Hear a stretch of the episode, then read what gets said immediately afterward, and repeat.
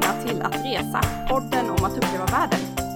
Jag heter Annika Myre och med mig på andra sidan datorskärmen har jag som vanligt min vän och kollega Lisa Farlåker. Det här är faktiskt vårt eh, tionde avsnitt. Eh, så vi tänkte köra lite frågepodd den här gången med de frågorna som har samlat upp sig efterhand här. Precis, det har kommit in frågor både på vår Instagram, på Attresapodden, på hemsidan, på våra respektive hemsidor, Resfredag och eh, livet från den ljusa sidan.se och eh, faktiskt nästan allra mest i mailform. Eh, men om ni har fler frågor som vi kommer ta upp vart eftersom så är det nog absolut säkrast att kommentera på vår hemsida attresapodden.se. Då tappar vi inga på vägen. Men vi har ju försökt svara på frågor vart eftersom och vissa frågor har nästan varit input till eh, de olika ämnen som vi har behandlat i podden hittills. Men vi kände att det var läge för ett litet eh, uppsamlingsrace. Men jag har en allra första fråga Annika till dig faktiskt, för nu sitter du där i Thailand och det här är vårt sista avsnitt som vi spelar in via Skype. För snart är du på väg hem. Hur känns det? Det är lite blandade känslor såklart. Vi har ju varit borta ett, ett tag. Och någonstans så försöker man klämma in det här allra sista nu. Och det här stället måste vi besöka innan vi, eh, innan vi åker hem. Och så har man några favoriter som man vill åka till igen. Jag är också ganska nyligen hemkommen från Singapore jag tog en liten avstickare dit nu efter inrådan från dig faktiskt. Och det var jättehärligt att komma bort från, eh, komma till storstaden ett tag faktiskt. Ja, vad tyckte du om Singapore? Ja, jag är så otroligt nöjd och det seglade direkt upp på min eh, fem i toppresor tror jag som jag har gjort. Vi hade så bra. Jag mötte upp min syster i Krabi, hon flög från Stockholm och så mötte jag upp henne. Så jag lämnade man och barn i, eh, på Kolanta och så gjorde vi en storstadsweekend, jag och min syster. Och vi bara gick och gick och gick. Jag älskar ju och vi har pratat om det innan. Det var härligt att bara gå runt och fika en massa, äta god mat. Och vi var på häftiga takbarer och, och det, var, det var jättelyckat.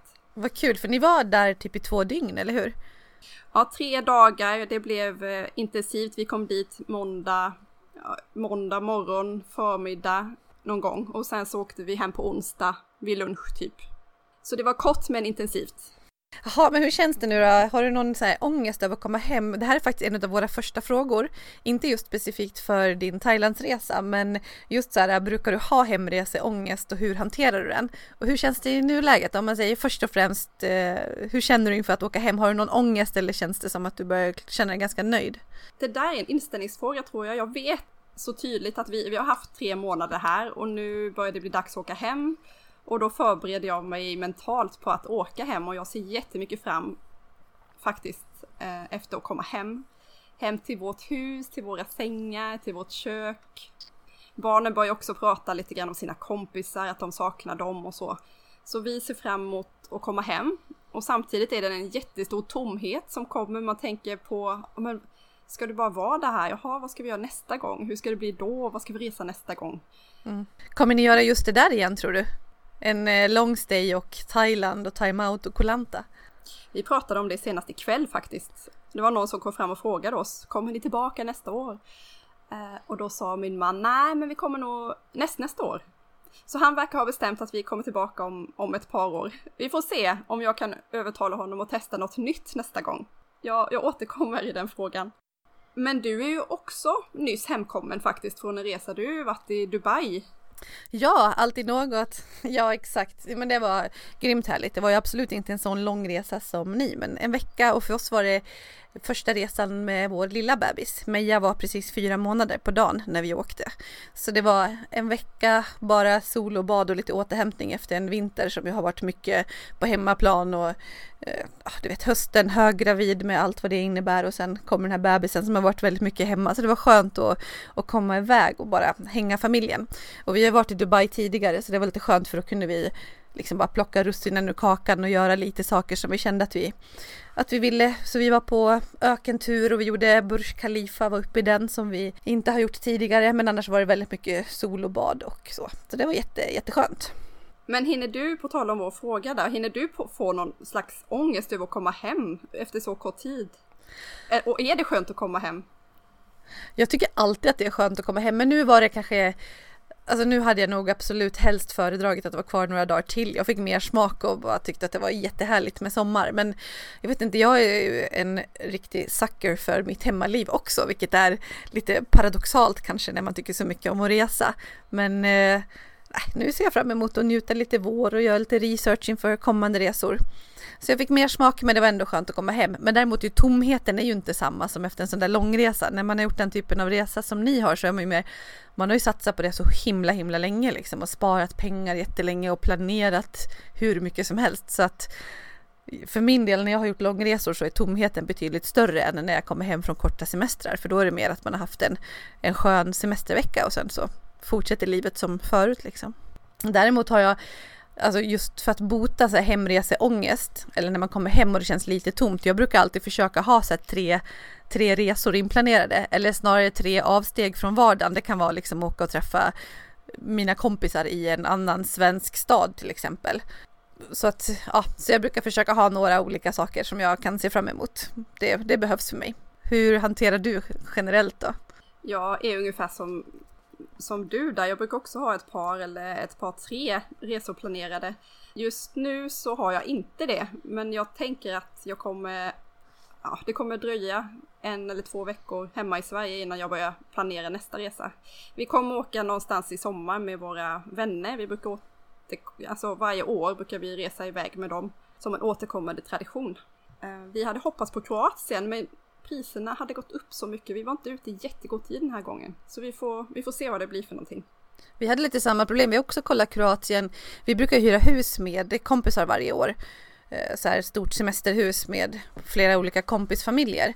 Det tycker jag är en fantastisk semester och när man vill komma iväg bara en vecka och brukar kunna bli ganska prisvärd också. Men eh, vi hittade inga riktigt bra hus och eh, ja, vi hade lite svårt att hitta en vecka som funkade för alla så jag tror att vi pausar det just i år så för oss blir det Sverige i sommar men nu var vi ju precis i Dubai och så ska vi faktiskt iväg på lite kortare grejer också lite, lite Norge och lite England och lite så så att det, det finns att ta utav. Det, det är inte synd om dig. Inte ett dugg, inte ett dugg. ja.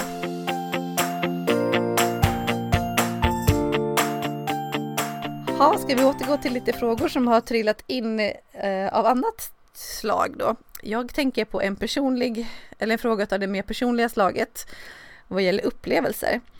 Mejlet kommer från en kille som enligt mejlet så har han sökt efter en resepodd i nästan två år men inte fastnat för någon. Men han hittade våran och fastnade direkt så det måste vi ju tacka för. Det var ju jättekul att höra. Eh, och han frågar, vilken är eran mäktigaste naturupplevelse och eller naturvy? Det där är ju lite som att fråga mig vilket som är mitt favoritgodis. Jag älskar godis och har väldigt svårt att välja en specifik sort. Och jag tycker väldigt mycket om härliga naturupplevelser och naturvyer. Men det finns några specifika som sticker ut lite mer extra. Och då tänker jag på några av nationalparkerna som vi besökte när vi var i USA för ett par år sedan. Vi bilade runt i vår Mustang och eh, hade valt ut tre stycken nationalparker. I Utah, en delstat som ligger nära Nevada. Eh, vi utgick från Kalifornien och körde sen norrut liksom. Eller först Las Vegas och sen in i Utah. Då finns en nationalpark som heter Bryce Canyon som är mindre känd än Grand Canyon men otroligt häftig alltså. Man kommer fram till en vy med stenformationer eller klippformationer som står liksom giv akt bredvid varandra som en hel armé av huddus. Det är en otroligt mäktig syn och just det här att vetskapen att man vet människoverk i all ära men att naturen själv är med och skapar konst på det här sättet. Det är så häftigt tycker jag. Och jag, jag får riktigt gåshud bara jag tänker på det. det. Det är så coolt. Sen så är ju Island precis som ett sagolandskap och det är, det är väldigt häftigt. Man åker runt där och tänker hela tiden bara nej men nu kan det inte bli vackrare. Och så kommer det någon konstig, eh, helt sagolik vy. Ja, jag vet att du har varit där också på Island just och gillar det. Ja, men jag håller verkligen med. Det är man tänker att man har sett det på bild och så tänker man att det där skulle jag vilja se för det låter fint eh, och så vidare. Men vad, man, vad jag inte kunde föreställa mig innan det är att det är så vackert överallt och vart man än vänder blicken så har man otroligt mäktiga vyer. Det är ett landskap som inte går att jämföra med någonting annat. Eh, så att ja, vulkanlandskap är superhäftigt. Det ligger nästan i topp hos mig. Och jag kommer ihåg, eh, vi hyrde bil, vilket är ett jättebra tips, någonting som jag verkligen föreslår att man ska göra på Island för att komma lite, eh, lite andra tidpunkter till de stora höjdpunkterna jämfört med alla andra och för att det är så himla orört och man kan åka på de här vägarna väldigt lätt, väldigt säkert och enkelt och det känns som att man är i princip själv där. Och vi åkte i alla fall runt eh, en halvö som heter Snäfjällsnäs, tror jag, om jag säger rätt nu, eh, nordväst om Reykjavik. Och eh, där var det liksom, de kallar det för Island in a nutshell, att det är på otroligt liten yta så har du allting som Island har att erbjuda. Och jag kommer ihåg hur vi kommer ner på en av de här vulkanstränderna och så ljudet av de här svarta runda stenarna som slogs mot stranden och runt om det var det röda klippor. Ja men det var ja, så häftigt. Så ja, jag håller med om Island, verkligen och vulkanlandskap generellt. Det tycker jag även på Nya Zeeland att ja, det är en otroligt häftig eh, upplevelse verkligen. Och det där kan minnas vägen mellan Wanaka och Queenstown på, på Söderön där man såg knallblått vatten som nästan slår över i turkost eller till och med grönt. Eh, och runt där de här spetsiga bergen och snön, den här slingrande vägen där vi tuffade fram med husbilen och eviga långa fält där det är en massa lamm som betar. Så vackert när jag hör dig prata om Nya Zeeland så, så ångrar jag verkligen att jag aldrig åkte ner till södra ön, för jag har varit på norra. Men av tidsbrist så tänkte jag, nej men det, äh, jag väljer, jag väljer norra. Och jag skulle gjort min research lite bättre, för då hade jag definitivt valt södra ön när jag ser bilder därifrån. Jag tänker norra är ganska likt Skottland eh, och där har jag varit väldigt många gånger. Så det, mm. Södra ön får bli en anledning. Ja, Ja precis, men då har du en anledning att komma tillbaka och å andra sidan så säger ju jättemånga att eh, södra ön, det är ju väldigt många ställen som är väldigt likt Norge som man har egentligen på mycket närmare, närmare hand. Man behöver inte åka till Nya Zeeland, men jag vet inte. Eh, Nya Zeeland är någonting alldeles extra. Men då har du i alla fall USAs nationalparker och Island jättehögt. Har du något ytterligare som ligger med i absolut topp som du vill berätta om? Ja men Costa Rica är häftigt för att det är ett så litet land med så många olika typer av naturupplevelser på samma yta. De har de här otroliga vackra paradisstränderna vita och sen åker man en liten bit och så finns det världens regnskog. Och det var första gången jag var där så, som jag fick uppleva regnskog, den här söta doften, de här enorma gröna bladen och konstiga träd och växter och djur överallt. Det är någonting väldigt speciellt med regnskog alltså. Mm. Det är kul att du säger för nu har ju inte jag sagt vad som ligger topp hos mig än egentligen för alla de här andra är bara okej okay, de snuddar på toppen för för mig är det ökenlandskap som ligger högst. Det finns ingenting som jag tycker har varit så mäktigt som de här öknens vidder. Och det säger jag inte bara för att vi nyss var i Dubai och gjorde en ökentur där för att det var häftigt också med den här röda sanden och eh, inte minst att åka jeep över eh, sanddynorna. Superhäftigt. Ganska turistigt förstås, det är mycket folk där men det var ändå otroligt bra. Men eh, framförallt så tänker jag på när vi var i Jordanien Det var i deras stora öken som heter Wadi Rum. Och där var det både den här röda sanden men väldigt mycket blandat med karga klippor och du ser hur långt som helst som är en stenöken. Så, så, så häftigt. Dessutom var vi där i december så att det var riktigt låg säsong. Det var ganska kallt. Eh, så det var väldigt lite folk och där känns det som att den här beduinkulturen är väldigt äkta och väldigt påtaglig. Så ja, den, det naturens makt liksom, det stora världsalltet på något vis. Det, det ligger i absolut topp hos mig.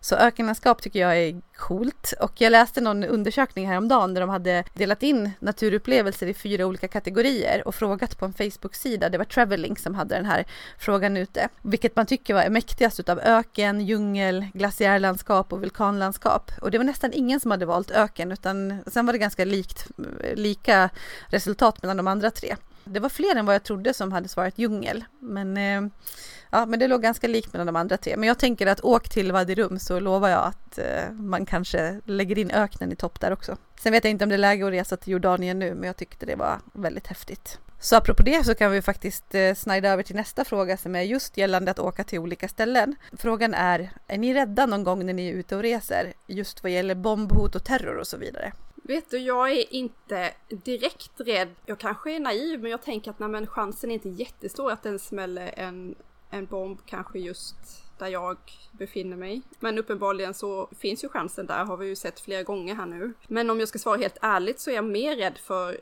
ficktjuvar och inbrott och olika typer av övergrepp när jag är ute, om man är ute som ensam tjej och reser och sådär, än just specifika terrorhot. Men också så kan jag vara riktigt rädd för naturens krafter. Vi är så besparade i Sverige från naturkatastrofer. Det märker man ju när man, man är ute och reser, att eh, det är vardag för många. Eh, förra året var jag i Taiwan med min sex månaders dotter och vi var med om en ganska stor jordbävning när vi var där. Så hela huset började svaja och gunga och tavlorna åkte ner från väggarna och jag var så rädd. Och jag stod böjd över barnsängen, Nelly låg och sov, fattade ingenting. Och då tänkte jag, hjälp vad gör jag här? Tänk, tänk att det här verkligen händer liksom. Vad sa invånarna där om det? Var de eh, lika skakade som du var utav den? Alltså de är ju vana, det händer ju. Samma dag vi kom så berättade de vi bodde hos att jag vill att ni ska veta att det kan bli jordbävningar här, för det händer. Men chansen är inte jättestor, för ja, det har hänt ett par gånger när vi har varit här och då hade de bott där något år eller så. Och sen var jag med om en annan jordbävning på en julafton, just när jag var i Costa Rica faktiskt. Och då var jag, alltså då var jag ju också livrädd första gången hemifrån på en längre resa.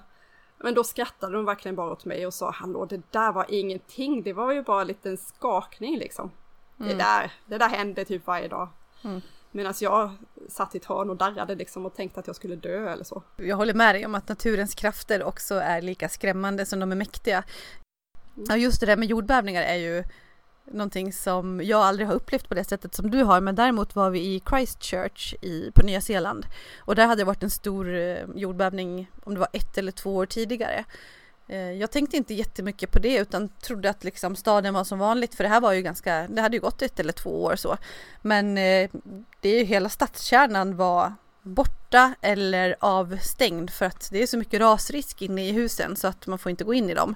Så det var som ett eh, museum, hela stan var liksom. Man fick gå i uppmärkta gångvägar där inne.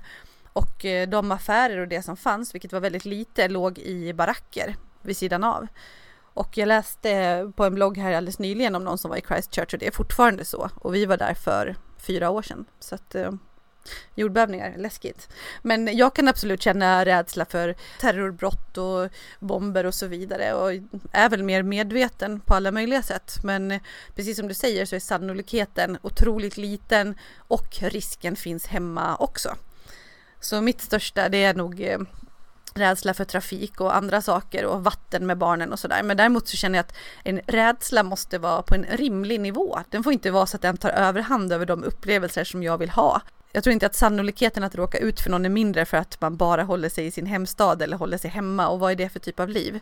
Så att ja, jag är rädd men eh, jag vill inte att det ska ta överhanden.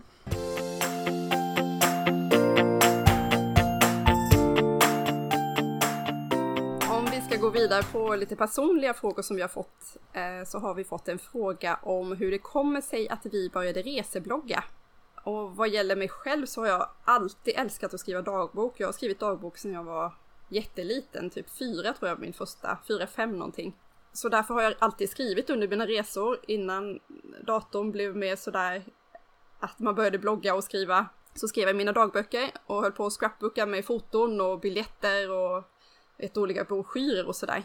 Och sen förra gången vi skulle åka hit till Thailand så började jag skriva Eh, för fyra år sedan mer för att familj och vänner skulle kunna följa, följa vårat halvår här nere som vi hade. Och eh, då var jag inspirerad av min stora syster som, som hade bloggat ganska länge.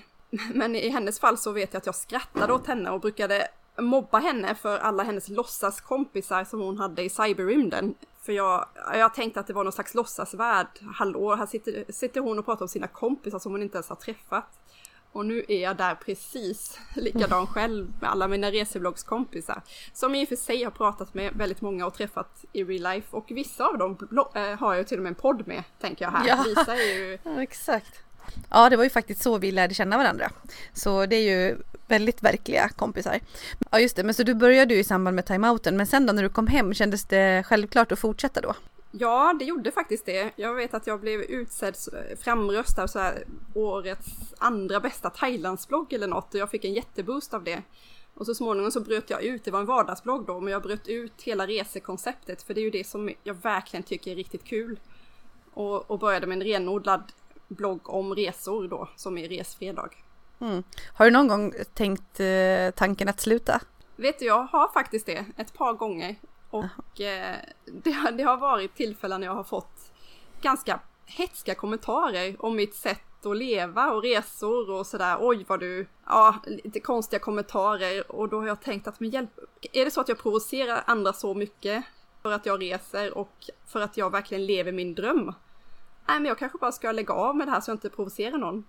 Och sen i nästa sekund så har jag tänkt på nej, vet du, jag ska, jag ska bara skriva på och jag ska inte låta någon trycka ner det som jag brinner för. Liksom. Det, är ju, det är ju det här som är mitt liv. Nej men precis, bra, låt inte det bli en anledning att sluta. Verkligen inte. Har, har du tänkt tanken att sluta blogga? Och hur började du? Alltså vad är din, vad är din bakgrund? Eh, jag skrev också alltid under mina resor och jag gjorde en, min första riktigt långa resa var år 2000, så det var bra länge sedan nu, 16 år sedan. Och då eh, skrev jag långa mail som jag skickade ut till de kompisar som hade sagt att de ville följa med mig på resan. Så det var liksom massmail ut med långa berättelser ett par gånger i veckan. Och sen gick jag över till att skriva på någon resedagbok online som man kunde skriva och där kompisar kunde välja att följa. Så jag har också alltid skrivit från mina resor. Men däremot började jag blogga 2008 i samband med att jag fick mitt första barn. Så det börjar mer som en livsstil föräldrablogg och sen har jag nog nischat mot resor de senaste ungefär två åren. Där det har blivit tydligare för mig att det är just det som är jättekul att skriva om. Så att jag har ju fortfarande en del av vardagslivet och livsstilsbloggandet kvar men med starkt fokus på resor. Jag är ju lite för mycket Alltså jag tycker ju om så himla mycket annat så för mig skulle det bli så svårt att bara skriva om resor för då skulle det bli som att jag nästan bara tänker på det eller längtar efter det och sådär. Men jag är ju väldigt mycket en person som vill leva i nuet. Jag menar inte att det måste vara det ena eller det andra men så för mig har det varit så svårt att, att nischa. Så att så var det. Och jag har faktiskt aldrig tänkt tanken om att sluta. Vilket jag tror att det är just för att jag håller min egen agenda och kör på mitt eget sätt och mitt eget race liksom. Jag tycker det är kul och jag jag tycker också att det är väldigt kul att skriva just när jag är borta under resor. Så det blir en grej som för mig är jätterolig att gå tillbaka och titta på efter en resa och jag kan själv läsa mina egna inlägg. jag är mitt största fan själv. Nej, men... Du sitter där och bara, åh vad bra, det här, dit ja. ska jag åka. ja men exakt. Nej då, men jag kan gå tillbaka och bara, just det, den resan och sen fastnar jag i och klickar dag för dag och dag för dag. Det, är som, det blir som att återuppleva det igen liksom. Mm. För det, det, var ju faktiskt en av frågorna som vi har fått också, hur, hur du gör när du livebloggar från resorna. Ja, precis.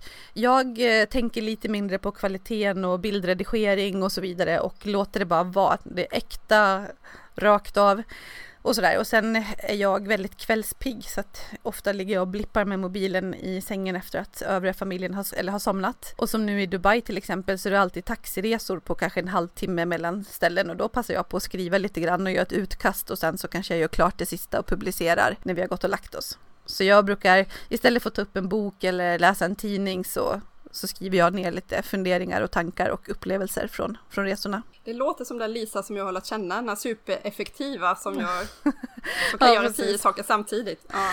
ja, eller allt halvdant, det beror på hur man ser det. ja.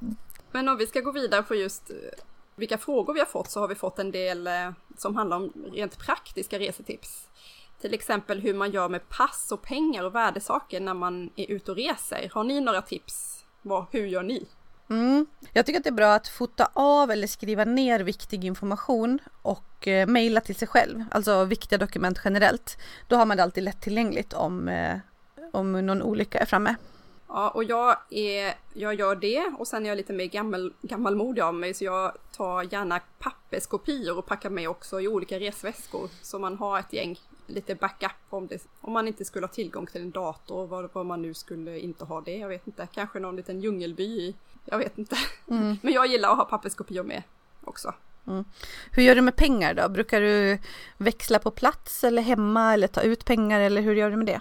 Vi brukar alltid växla så att vi har så vi klarar oss ungefär minst en dag eller ett par dagar som man har till taxichaufförer och det är ju faktiskt inte alla ställen som, eh, som tar kort. Det är ganska många ställen, eller ja, här på Kolanta tar de faktiskt inte kort någonstans. Där måste man ha pengar hela tiden man kan inte förlita sig helt tycker jag på att det finns bankomat på den flygplatsen som man kommer till. Vi flög till Kambodja nu och behövde pengar till att betala visum på plats på flygplatsen. Och då var det några där som inte hade med sig pengar och sprang runt och letade efter en bankautomat och den var trasig.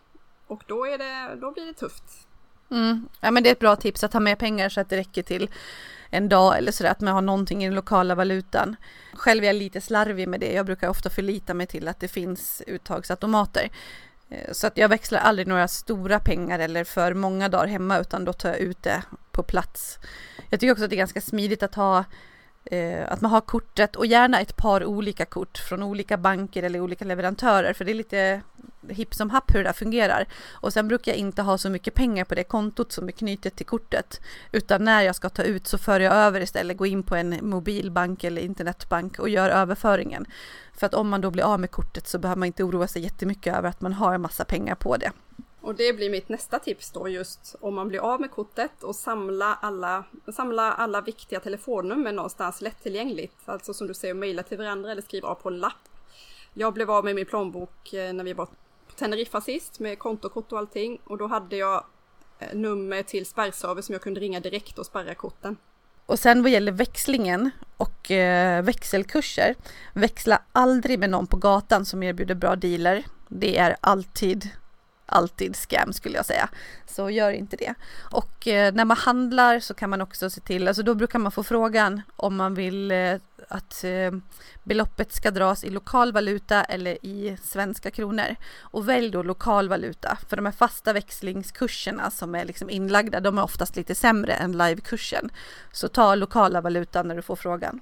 Eh, sen finns det ju olika betal och kreditkort som är olika bra att använda utomlands. Där vet jag att du har lite erfarenhet.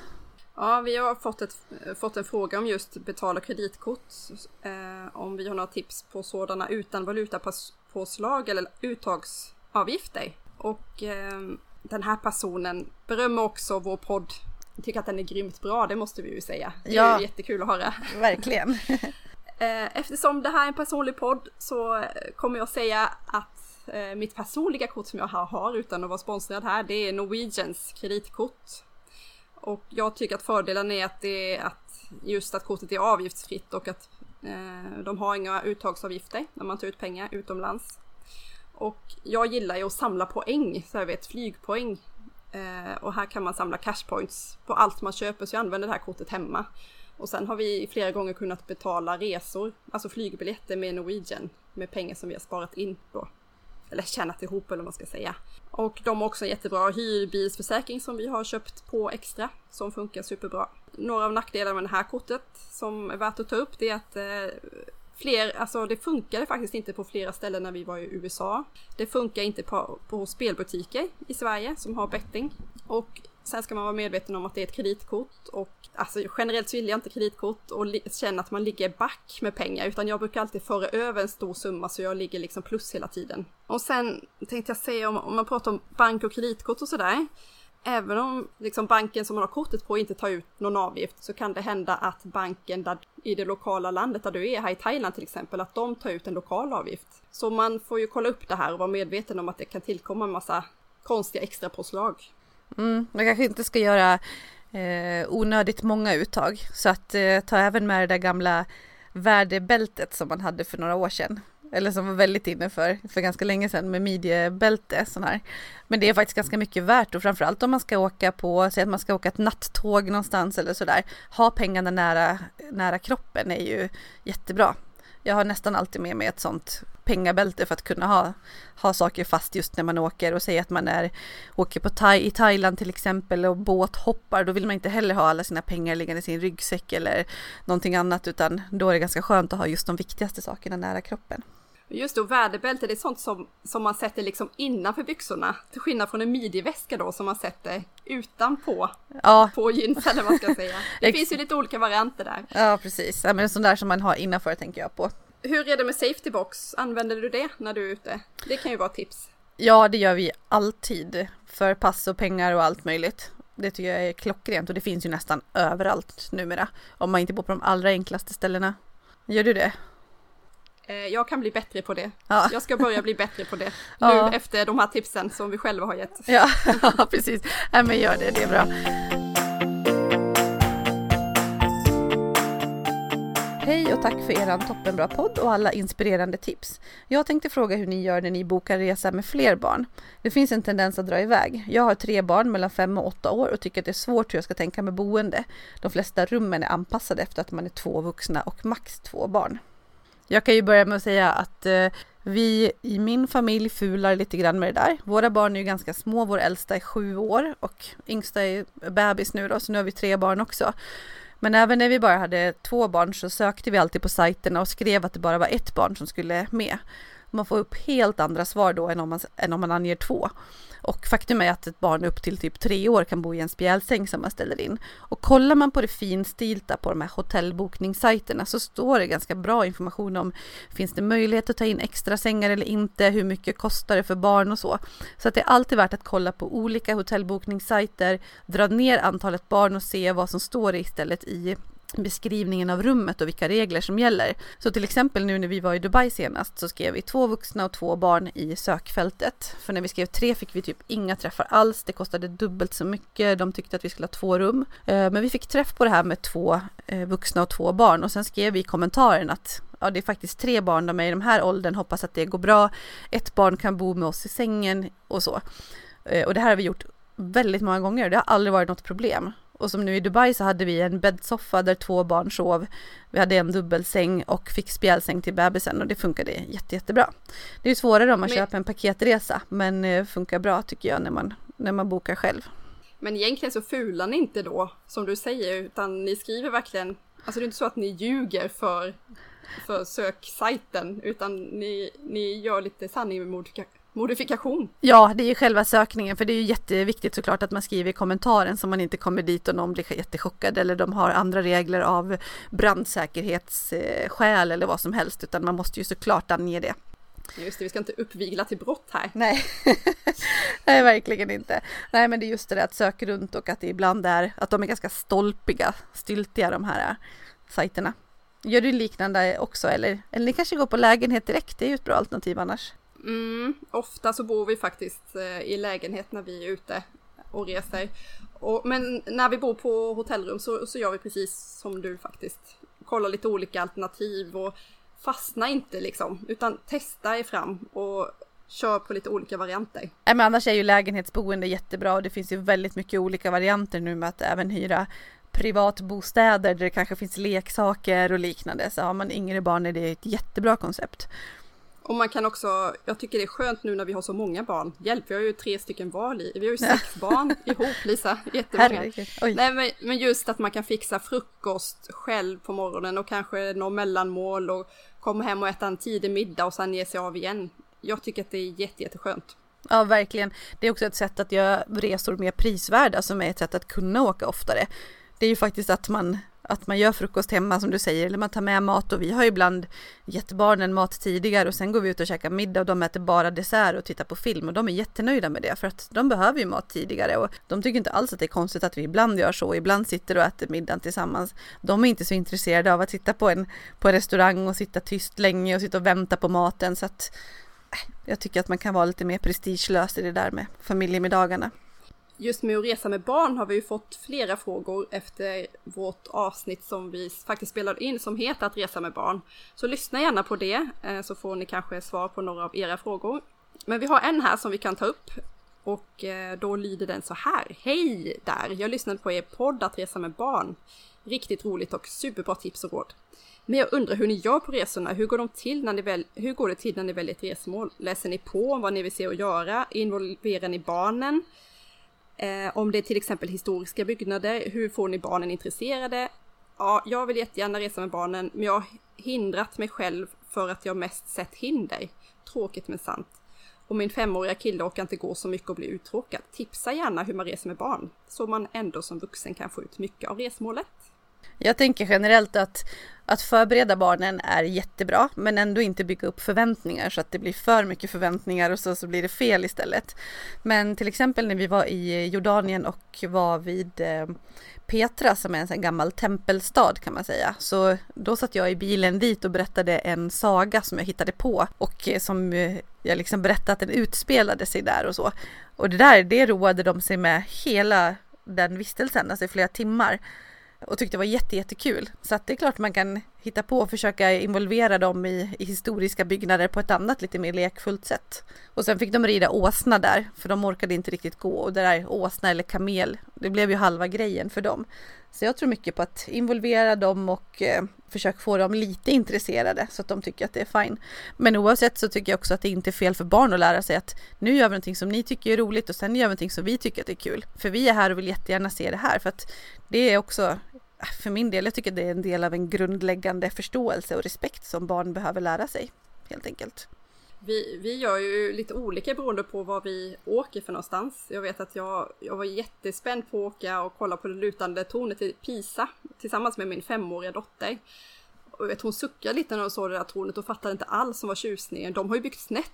Varför gjorde de det? Mm. Och sen så fick hon syn på glassen bredvid och tyckte att hjälp, italiensk glass det vill jag ha.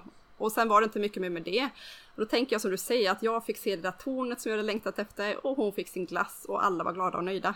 Mm. Och sen gäller det väl, alltså som vuxen att vara väldigt noga med det och inte ha en massa förväntningar på hur barnen ska uppleva saker och ting. För att det blir sällan som man har tänkt sig och har man stor, för stora förväntningar så förstör det både för barnen och för, för föräldrarna tänker jag.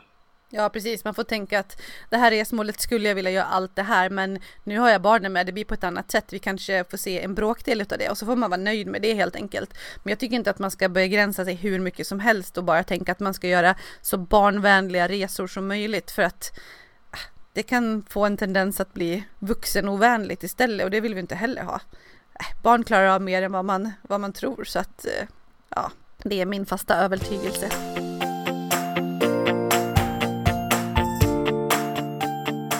Men hur gör ni om ni ska resa med bil till exempel långt och så? Ni gjorde ju en roadtrip i USA som var väldigt många mil. Ja, I det fallet tycker jag att det är jätteviktigt att prata med barnen innan. De var tre och fem år och vi kunde verkligen berätta för dem att hörni ni, vi kommer sitta så många timmar i bil och det kommer vara jättetråkigt så ni vet det. Men sen under tiden vi åkte då såg vi såklart till att anpassa resan efter dem. Eh, vi stannade ofta och det var, det var fikapauser och det var kisspauser och det var härliga utsikter som vi stannade och tittade på. Vi sjöng sånger och berättade sagor och alltså det behöver inte vara så himla komplicerat tänker jag. Nej, precis. men Jag håller med. Men sen det där med att de inte orkar gå så långt, det kan jag tycka att det är lite jobbigt när det blir väldigt mycket gnäll och man vill själv ta sig från punkt A till punkt B och det blir otroligt energikrävande. Jag skulle önska att det fanns sparkcyklar att hyra ut överallt men tyvärr gör det ju inte det. Men det hade varit praktiskt i vår familj. Men, ja. men vi försöker i alla fall ta buss och tåg och planera resandet lite grann och sen får de väl lära sig helt enkelt och mycket pauser. Jag tänker för mindre barn, det finns ju cykelvagnar man kan hyra, det finns sådana skrindor man kan gå runt med. Det finns ju alternativ om man kikar runt lite. Vet du Lisa, jag tror att eh, vi får nöja oss så med frågor idag. Vi får ju in fler frågor än vi kan svara på och jag tänker att vi kan samla upp till en annan frågepodd lite längre fram. Ja, men precis, så fortsätt mejla oss och ställ frågor och framförallt gå in och kommentera på hemsidan så att vi inte tappar det någonstans i bruset. Nej men så superkul, fortsätt verkligen att ställa frågor och vissa saker kommer ju med i våra avsnitt i de vanliga temaavsnitten. Men eh, som avslutning så tänkte vi förstås ta veckans lista och jag tänker att vi återgår till inspirationsspåret och eh, tar en annan fråga vi har fått. Tre ställen som vi skulle åka till om vi hade obegränsat med pengar. Oj då, det var ju det här med godispåsen igen. Hur ska jag någonsin kunna välja alla de här fantastiska ställena som finns ute i världen? Men jag tänker att Antarktis ligger ju väldigt högt upp på min önskelista och det kostar väldigt mycket pengar. Eh, men jag skulle säga Antarktis i kombination med Sydgeorgien och Falklandsöarna. Då börjar man i Argentina och åker neråt sen och det är ju den här stora Alltså det fascinerar mig med storslagna naturupplevelser, det är det jag vill åt och se kungspingviner och valar och mäktiga glaciärer och häftiga isberg. Åh, det skulle jag satsa på. Eh, och sen skulle jag gärna åka på ett safari i Afrika som kostar väldigt mycket pengar också. Och sen kombinera med eh, Victoriafallen. Det här stora fantastiska vattenfallet i, som ligger i Zimbabwe. Och den sista som jag återkommer till det är ju det här med lite mystik och sånt som jag gillar. Jag tyckte det var supercool att åka till Stonehenge och ja, det finns ju några, finns ju många sådana ställen i världen, men Påskön i sydöstra Stilla havet, dit vill jag och kolla på de här konstiga gubbarna som ingen vet riktigt vad de sysslar med där. De här stora stenstatyerna. Det är min önskelista. Hur ser din topp tre-lista ut på önskeresor om du hade massa, massa pengar?